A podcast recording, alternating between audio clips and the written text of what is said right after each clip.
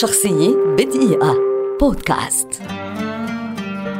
إحسان المنذر ملحن وموزع موسيقي لبناني شهير ولد عام 1947 ويعد أحد أهم وجوه الموسيقى في العصر الحديث ليس على مستوى لبنان فحسب بل على مستوى العالم العربي.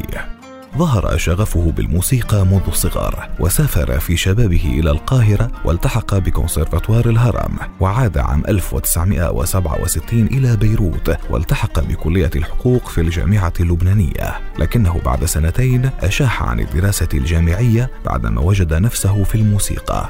فسافر إلى إيطاليا عام 1970 ملتحقا بمعاهد خاصة لدراسة التأليف الموسيقي.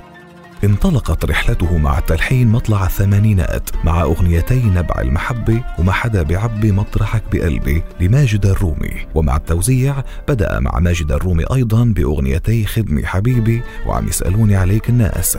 ومع بدايات راغب علامة تولى المنذر تلحين بعض أشهر أغانيه مثل الكتب العتيقة بكرة بيبرم دولابك وعن جد بقلك عن جد ولو شباكك عشباكي وبعدها راحت أعماله اللحنية تنتشر وتشيع كحال أسطوانة الأطفال لماجد الرومي وأغنية طيري طيري يا عصفورة التي وصل لحنها إلى إيطاليا وأذيعت بالإيطالية وفازت بالجائزة الأولى في مسابقة بولونيا عام 1989 كلمات لماجد الرومي.